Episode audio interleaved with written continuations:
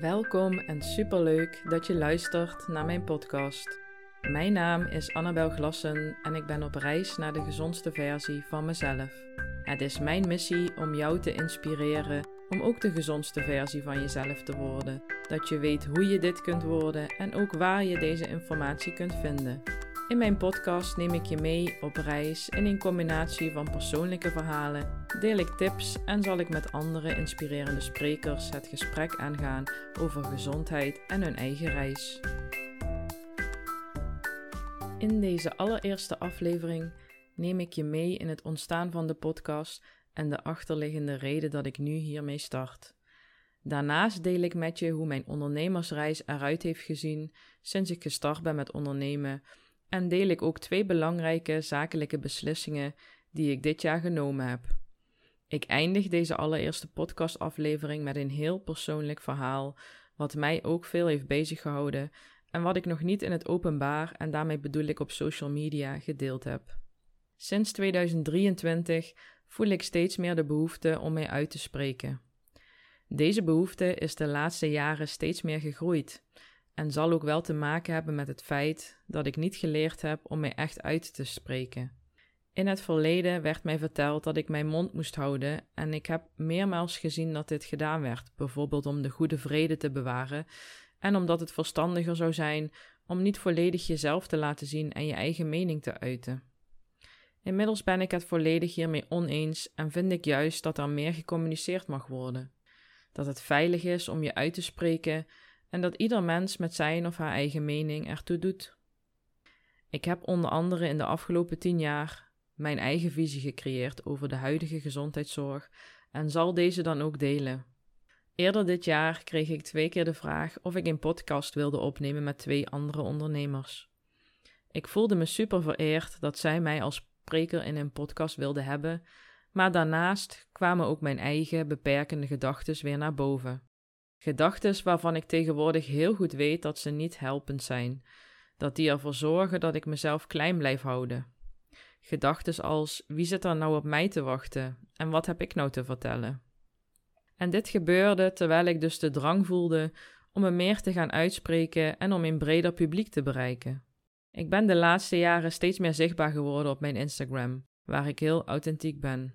Ik deel daar veel persoonlijke verhalen dingen die ik meemaak, live events en wat die mij gebracht hebben, maar probeer mensen ook te inspireren met behulp van onder andere gezondheidstips.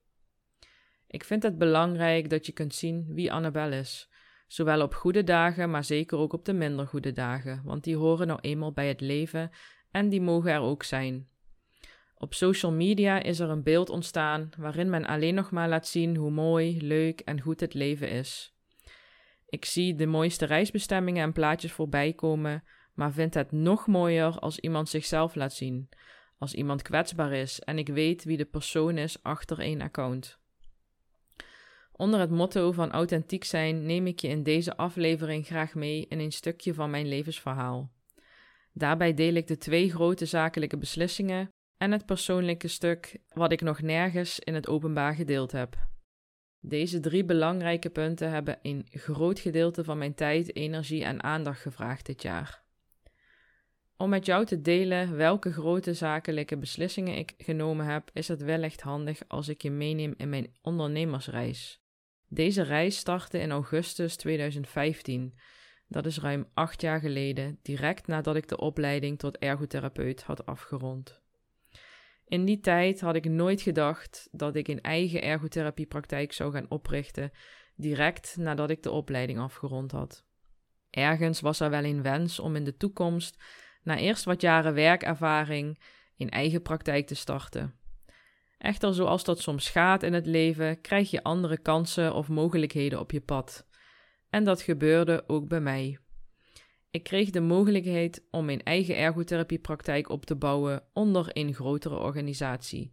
En ik greep deze kans dan ook met beide handen beet en ging hier volledig voor. Als ik mezelf zou moeten beschrijven in die tijd, zou ik zeggen: ik was gedreven, gemotiveerd, leergierig en een echte doorzetter. En zo startte ik mijn ondernemersreis op 25-jarige leeftijd.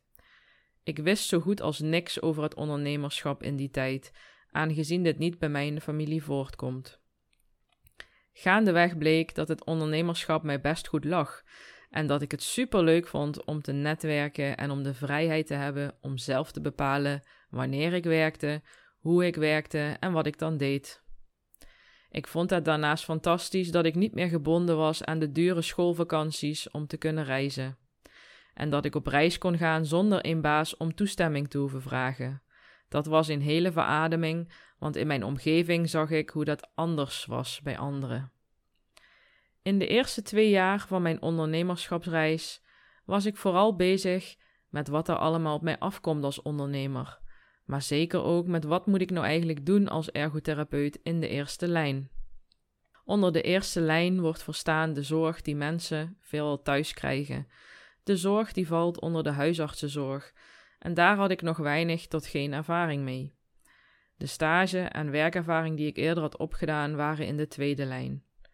Onder de tweede lijn worden de ziekenhuizen en revalidatieklinieken verstaan. Ik heb namelijk stage gelopen in twee verschillende revalidatieklinieken. Enerzijds bij Cicero Zorggroep. Zij hadden een combinatieafdeling in Adelante in Hoensbroek, waar ze een CVA Stepped Care Unit hadden ingericht. Dat is een speciale afdeling voor mensen met hersenletsel. En anderzijds was daar mijn buitenlandstage in de klinieke Valence in Zwitserland, waar ik een half jaar in de bergen woonde en werkte op de afdeling neurologie. In ruim vier jaar tijd bouwde ik een heel groot netwerk op waar ik super graag mee samenwerkte en die ervoor hebben gezorgd dat mijn praktijk heel goed liep. De toestroom van nieuwe cliëntaanmeldingen in mijn praktijk was erg groot en zodoende kon ik zelfs collega-ergotherapeuten van cliënten voorzien. Ondanks dat ik zelfstandige was, een goed lopende praktijk had en er sprake zou moeten zijn van veel vrijheid, ervaarde ik het gevoel van vrijheid niet. Mijn inkomsten waren vrij snel, redelijk hoog. Ik zag cijfers op mijn bankrekening binnenkomen waar ik als student alleen maar van heb kunnen dromen, maar daarnaast had ik ook hele hoge uitgaven. Ik werkte in die tijd ontzettend hard, gemiddeld zo'n 80 uur per week. En op woensdagen had ik vaak al meer dan een fulltime werkweek erop zitten, qua uren dan. De associatie die ik legde bij het ondernemerschap was vooral hard werken, lange dagen maken en altijd maar doorgaan. En ik zie nog steeds dat veel ondernemers deze associatie hebben met het ondernemerschap. Dat je continu aan moet staan, dat je continu bereikbaar moet zijn, zowel voor klanten, maar ook voor je netwerk. Daarnaast speelde ook mijn hoge mate van verantwoordelijkheid, mijn perfectionisme en het voor iedereen goed willen doen mee. Dit merkte ik zowel bij mijn cliënten in de behandelingen als ook in de grotere organisatie waaraan ik verbonden was. Ik merkte dat ik beperkt was in de keuzes die ik als ondernemer mocht en kon maken, aangezien ik mij moest conformeren aan de grotere organisatie en de regels of keuzes die zij maakten, of die zij belangrijk vonden en wij moesten volgen. In die eerste vier jaar ondernemerschap merkte ik na twee jaar op dat de werksfeer veranderde. Of wellicht was deze werksfeer vanaf het begin af aan al zo, maar kreeg ik dat vanaf het begin niet mee, omdat ik toen met andere zaken bezig was. Toen ik merkte dat aan de ene kant mijn gezondheid onder mijn leefwijze leed en aan de andere kant ik het werken onder die grotere organisatie absoluut niet meer leuk vond, wist ik dat het anders moest. Er heerste veel spanning onderling en er was het gevoel alsof we concurrenten van elkaar waren. Ik heb in deze jaren zoveel dingen voorbij zien komen die echt niet oké waren, die niks met collegialiteit te maken hadden, en heb vooral ook mogen ondervinden hoe een hiërarchische manier van werken binnen een organisatie niet hoort te verlopen. Ik ben niet de enige geweest die hier last en hinder van ondervond. Sterker nog, het merendeel van de collega's kwam bij mij om te klagen en om hun zienswijze met mij te delen. En ondanks dat ik hun volledig begreep, heeft mij dit ook heel erg veel negatieve energie gekost. Daarnaast vond ik dat men dit zelf tegen het hogere management moest vertellen. Maar zelf zei ik ook niks, want ik had gezien wat er gebeurde als men wel iets ervan zei. Ik vond het vreselijk om in een angstcultuur te werken. En ook hier kwam ik weer in een situatie terecht waarin ik mezelf heb wijsgemaakt dat het beter was om mijn mond te houden. Zoals ik al vermeldde, moest voor mijn gezondheid echt de knop om en was het duidelijk dat ik daar weg moest. Dit bleek echter nog niet zo makkelijk te zijn. Aan de ene kant natuurlijk omdat de praktijk aanvoelde als mijn kindje, iets wat ik jarenlang heb opgebouwd en waar ik al mijn energie, tijd, liefde en aandacht, maar ook geld in gestoken had. Dat wilde ik niet zomaar kwijt. En aan de andere kant wilde ik ook mijn praktijk, cliënten en mijn netwerk niet kwijt.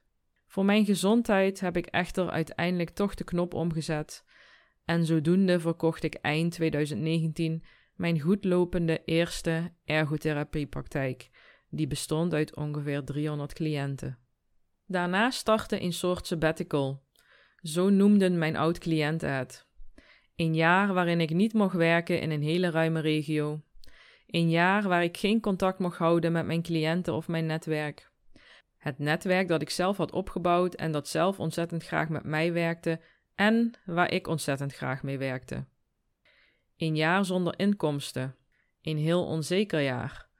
Deze keuze was een van de moeilijkste beslissingen die ik ooit heb moeten maken en daarnaast ook een van de beste beslissingen die ik ooit gemaakt heb. Ik wil hierbij nog als kanttekening benoemen dat ik terugkijkend op die vier jaar ook kan zeggen dat ik dankbaar ben dat ze hebben plaatsgevonden. Zonder deze jaren en de levenslessen die daarin gebeurden, had ik immers nooit zo kunnen groeien en zou ik nooit gestaan hebben waar ik vandaag de dag sta. Ik heb ontzettend veel van alle situaties die zich hebben afgespeeld kunnen leren en heb deze dan ook de afgelopen jaren meegenomen in mijn ondernemersreis. En tot slot, ook als je ziet hoe iets niet hoort of hoe je iets niet wilt, dan zijn het bouwstenen om het zelf anders aan te pakken of anders te gaan doen. Ik besloot van mijn sabbatical jaar mijn mooiste jaar ooit te maken en dat werd het. Een heel bijzonder jaar waar ik in deze podcast niet te veel bij stil wil staan, maar wat zeker leuk is om ook nog een aparte podcast over op te nemen. Ik reisde namelijk dat jaar de wereld over, ondanks de pandemie die ontstond, en ik leerde mezelf nog beter op allerlei verschillende lagen kennen. Na een jaar geen inkomsten en vooral heel veel uitgaven door alle mooie reizen, was het vrij duidelijk wat ik ging doen toen ik officieel weer mocht starten. Een tweede eigen ergotherapiepraktijk opbouwen. Dit keer helemaal zoals ik dat zelf graag wilde, op mijn manier, onder mijn naam en op mijn voorwaarden. En precies dat deed ik. Ik droomde er stiekem van dat ik binnen een half jaar zoveel nieuwe cliëntaanmeldingen zou krijgen dat ik hulp in de praktijk zou mogen inschakelen. En die droom die werd na 2,5 maand al werkelijkheid. Ik kon gewoon niet geloven dat ik na 2,5 maand opnieuw gestart te zijn al zo'n vol cliëntenbestand had dat ik eigenlijk een collega erbij kon gebruiken. Ik had uit de eerste praktijk geleerd dat vijf dagen cliënten zien veel te veel is. Met het oog op mijn gezondheid, wat inmiddels mijn nummer één prioriteit was geworden, wist ik dat ik niet meer dan drie volle dagen cliënten wilde zien. Terugkomend op het feit dat mijn praktijk zo snel weer zo goed liep, stelde ik nog een aantal maanden uit dat er hulp nodig was. Met een wachtlijst werken deed ik niet, dit had ik nog nooit gedaan en vond ik ook niet passen binnen mijn bedrijfsvisie als hulpverlener. Ik ging daardoor zelf weer meer werken, iets wat absoluut niet de bedoeling was en merkte ook snel dat dit mijn gezondheid niet ten goede kwam. Via mijn Instagram-account, dat ik in die tijd vooral gebruikte om mensen te inspireren met mijn reizen en reistips, kwam ik in contact met een andere ergotherapeut die ook gek was op reizen. Via haar ben ik in contact gekomen met mijn allereerste werknemer. Het was nooit mijn intentie om werkgever te worden in die tijd. Wel had ik graag hulp gehad in de vorm van een ZZP'er. Ik had echter zo'n goed buikgevoel bij haar dat ik tegen haar zei dat ik het werkgeverschap zonder enige ervaring met haar wel wilde aangaan. Daarbij vertelde ik ook dat ik het werkgeverschap een tijd wilde uitproberen, maar gaf ik ook meteen aan dat ik het in de toekomst graag anders zou zien. Bijvoorbeeld in de vorm van een maatschap of iets anders. De precieze inhoud daarvan wist ik toen nog niet. Het werkgeverschap is weer een vak aan zich. En daar waar ik als ondernemer zo sterk in was, kreeg ik als werkgever de nodige lessen op mijn pad. Ik moest namelijk leren loslaten, leren die controle en verantwoordelijkheid los te laten, leren vertrouwen op iemand die ik nog niet goed kende. Ik mocht leren vertrouwen dat diegene mijn goedlopende praktijk net zo zou behandelen als dat ik dat jarenlang deed. Om nog maar te spreken over de inhoud van de ergotherapiebehandelingen. Eén ding is namelijk zeker: geen enkele therapeut behandelt op dezelfde manier. Daarnaast bleef de vraag opspelen: wat als mijn werknemer ziek wordt? En ja, natuurlijk kun je je overal voor verzekeren, maar het budget in de eerste lijn is ook niet per se het grootste dat er is. Mijn grootste prioriteit was niet meer mijn eigen gezondheid, maar werd de gezondheid van mijn werknemer. Zolang zij namelijk gezond zou zijn, zou de praktijk doordraaien. Ik deelde dan ook al mijn kennis over gezondheid met haar en legde in mijn ogen te veel de focus daarop. Ik ben nu bijna 2,5 jaar werkgever en sinds anderhalf jaar zijn we met z'n drieën in de praktijk. Ik nam namelijk naast mijn werknemer in loondienst ook nog iemand als ZZP'er aan. En dan te bedenken dat vandaag op 1 november 2023 het precies drie jaar geleden is dat ik opnieuw ben gestart met mijn eigen praktijk. Wat in groei en wat in veranderingen in zo korte tijd. Een tijdje geleden besloot ik dat het tijd was om het werkgeverschap te beëindigen. Ik merkte namelijk dat het niet meer in lijn was met mijn kernwaarden vrijheid en gezondheid. Ik had weliswaar aan de ene kant vrijheid voor mezelf gecreëerd door iemand in loondienst te nemen die de cliëntbehandelingen zou kunnen waarnemen, maar aan de andere kant vergde het ook ontzettend veel van mij om werkgever te zijn.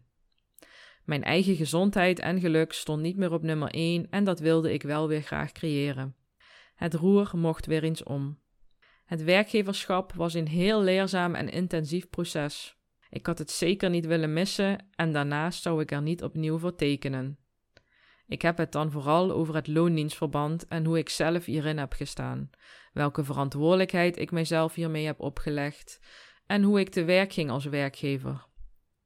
Ik durf inmiddels wel voorzichtig uit te spreken dat ik vermoedelijk een van de fijnste werkgevers ben geweest die een werknemer zich maar kan wensen.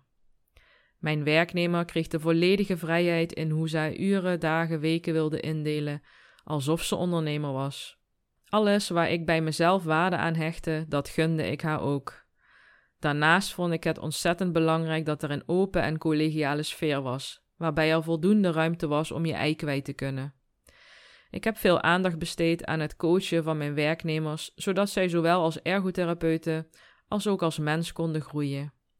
Ik ben dan ook heel trots op hoe zij zich zakelijk en persoonlijk ontwikkeld hebben de laatste jaren.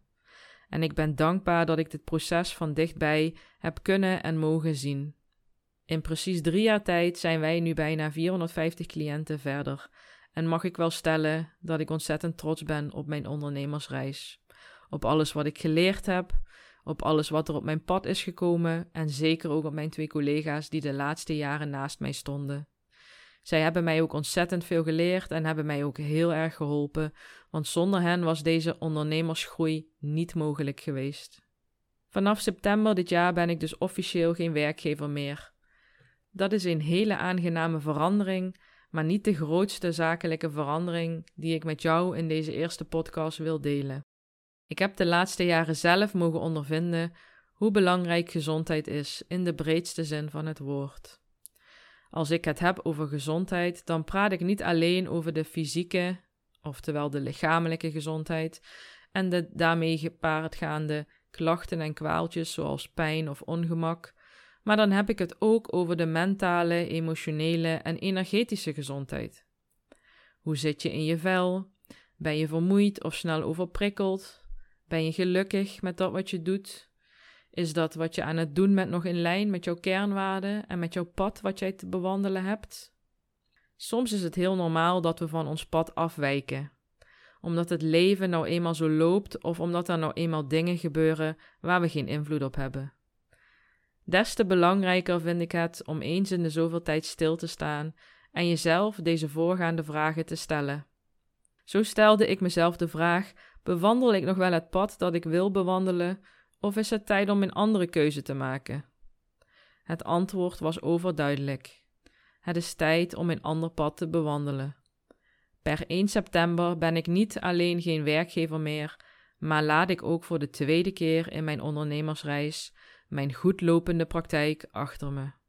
Ik draag mijn praktijk precies zoals deze is over aan mijn eerste werknemer en heb het volste vertrouwen erin dat zij mijn praktijk, mijn kindje, op haar manier verder zal voortzetten. Met die frisse blik en nieuwe energie zal zij haar eigen draai aan deze praktijk gaan geven en ik kijk er naar uit om dat vanaf de zijlijn te mogen zien gebeuren. Daarnaast ben ik blij en dankbaar dat dat zo in elkaar is overgegaan. Het einde van het werkgeverschap en voor haar de start van het ondernemerschap.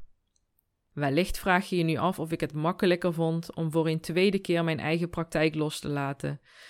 En waarschijnlijk zou je denken dat het dat was. Echter, onder het motto Been there, done that, viel het me alles behalve mee. Een van mijn grootste struikelblokken die ik in de afgelopen jaren, ook al bij de eerste praktijk, ben tegengekomen, is onze gezondheidszorg en hoe deze is ingericht. Degenen die mij al langer kennen, weten dat ik eigenlijk heel positief ben en ook graag de nadruk leg op het positieve.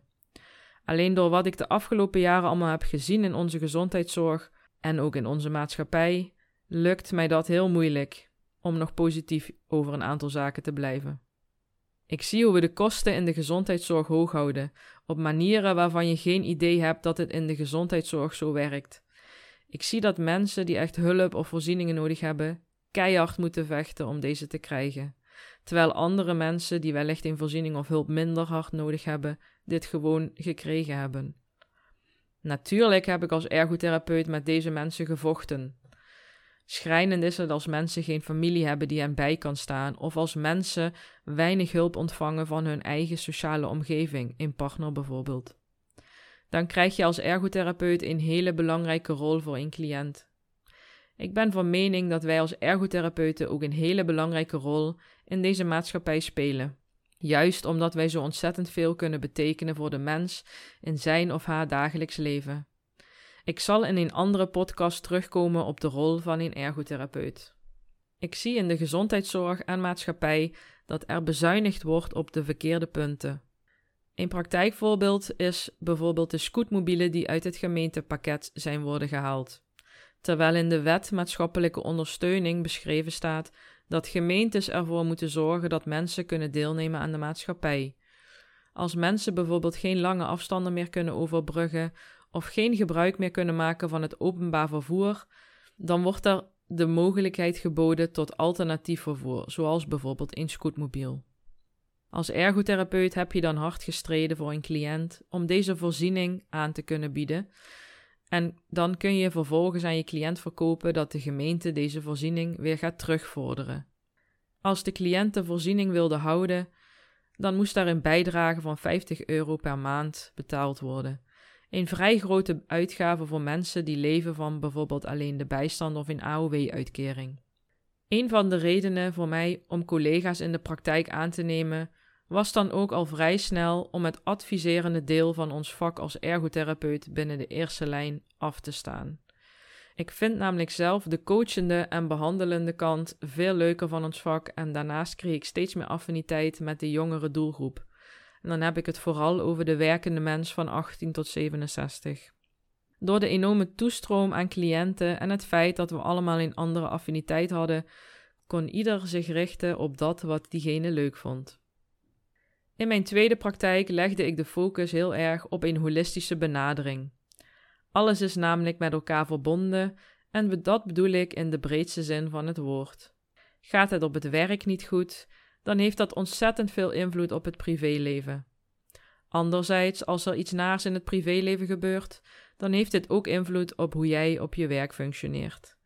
Het is dus belangrijk dat er een balans is in iemands leven, en als ergotherapeut hebben we diverse tools om hiermee met iemand aan de slag te gaan en om te kijken op welk gebied het nou niet lekker stroomt.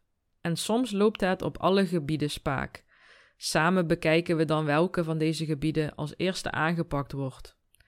Deze holistische manier van werken heb ik ook geïntegreerd bij mijn twee collega's in de praktijk. Zij zijn ook op een hele andere manier naar de uitvoering van ons vak ergotherapie gaan kijken en daarnaast is ook hun blik op gezondheid veranderd. Gezondheid betekent voor mij dat op mentaal, fysiek, emotioneel, energetisch en spiritueel vlak er een balans is. En als het dan bij één van deze vlakken wel eens wat minder gaat, dan is dat geen ramp en gebeurt er vaak nog niets aan je gezondheidstoestand. Als echter meerdere van deze vlakken uit balans raken, dan worden mensen ziek. Waar ik zoveel waarde aan heb gehecht en nog steeds hecht, is dat je een vertrouwensband opbouwt met je cliënt. Zonder vertrouwensband is het mijns inziens niet mogelijk om iemand te behandelen of te coachen. Wanneer je zonder vertrouwensband iemand een tip of advies geeft, dan gebeurt er 9 van de 10 keer het volgende. Iemand gaat in de weerstand. Dat zijn de bekende mensen die de hele tijd ja maar zeggen in je praktijk. Ik deelde al eerder hoe belangrijk ik het vind om authentiek te zijn. Mijn authenticiteit en daarmee mijn levenservaringen en levenslessen neem ik ook graag mee in een behandeling als ik denk dat het een cliënt verder kan helpen. Wat ik hierbij gemerkt heb in de vele jaren, is dat wanneer je een stukje van jezelf laat zien, je ten eerste laat zien dat je mens bent. Dat je jezelf als therapeut niet hoger stelt dan de cliënt. Daarnaast is een cliënt altijd een ervaringsdeskundige in datgene wat hij of zij mee heeft gemaakt en wat er bij hem of haar speelt. Ten tweede ben ik naast therapeut zelf ook ervaringsdeskundige geworden, als het op gezondheid aankomt. Of in dit geval spreek ik dus van mijn eigen ongezondheid en ongezonde gedrag uit het verleden. Door hier kort over te delen, laat ik zien dat ik meer naast een cliënt sta en hem of haar en de situatie begrijp. Ik heb hierdoor gemerkt dat ik heel gemakkelijk een vertrouwensband met iemand krijg en iemand zich ook snel op zijn of haar gemak bij me voelt en open is in communicatie. Nu wordt het langzaam tijd om de overstap te maken naar het persoonlijke verhaal dat ik graag met jou wil delen hier. Wanneer je met mensen werkt, leer je jezelf ook ontzettend veel. Ieder mens is namelijk uniek en ieder mens brengt weer nieuwe inzichten mee. Het is namelijk nooit als therapeut zo dat je alleen de ander wat leert. Ik leer zelf ook ontzettend veel van mijn cliënten en in het contact met mijn cliënten. Ik neem je weer mee terug in de tijd, want bijna twee jaar geleden ging ik op huisbezoek bij een nieuwe cliënt. Als hooggevoelig mens kan ik vrij goed in een nieuwe situatie aanvoelen en opmerken hoe het met iemand gaat en hoe de stemming ergens is. Zo stapte ik bij deze nieuwe cliënt naar binnen. Zijn partner was ook thuis en voelde ik al vrij snel een ongemakkelijke spanning hangen in huis. Deze man, die van top tot teen getatoeëerd was, had veel wantrouwen naar andere mensen. Hij kwam weliswaar vijandig en wat opstandig over, maar wat ik vooral merkte is dat ik me direct heel veilig, vertrouwd en op mijn gemak voelde. Al snel had ik door dat dit een leuke, nieuwe, uitdagende casus zou worden. Ik heb in de afgelopen tien jaar al veel interessante cliënten ontmoet, waarbij ik met de een wat meer in klik had dan met de ander. Ik verheugde me erop om met hem aan de slag te gaan en te zien wie die man achter de vele tattoos en het wantrouwige en opstandige karakter was. Na nog geen drie sessies had ik het gevoel alsof ik deze cliënt al mijn hele leven kon, alsof zijn levensverhaal mijn levensverhaal was. Alsof ik precies begreep wat hij wilde zeggen, zonder dat hij het hoefde te zeggen. Ik kan je vertellen, dat is best een speciaal gevoel. Die vertrouwensband waar ik het net over had, die was er ook gelijk al. En dat maakte dat ik niet heel hard hoefde te werken om hem te motiveren om op een andere manier naar gezondheid te kijken. Ik hoefde niet veel tips te geven, want hij ging er meteen mee aan de slag. Ik zag ook meteen hoe hij veranderde in positieve zin. Hoe hij keuzes maakte die ten goede kwamen voor zijn gezondheid. Ik zag dat zijn please-gedrag naar anderen veranderde en hij zichzelf ook eens op nummer 1 ging zetten. En in plaats van alles voor anderen altijd maar goed te doen, ook eens genoegen nam met minder, niet altijd die 200% willen geven, zowel op het werk als ook thuis. Want dat had zijn gezondheid op alle vlakken behoorlijk aangetast in de loop der jaren.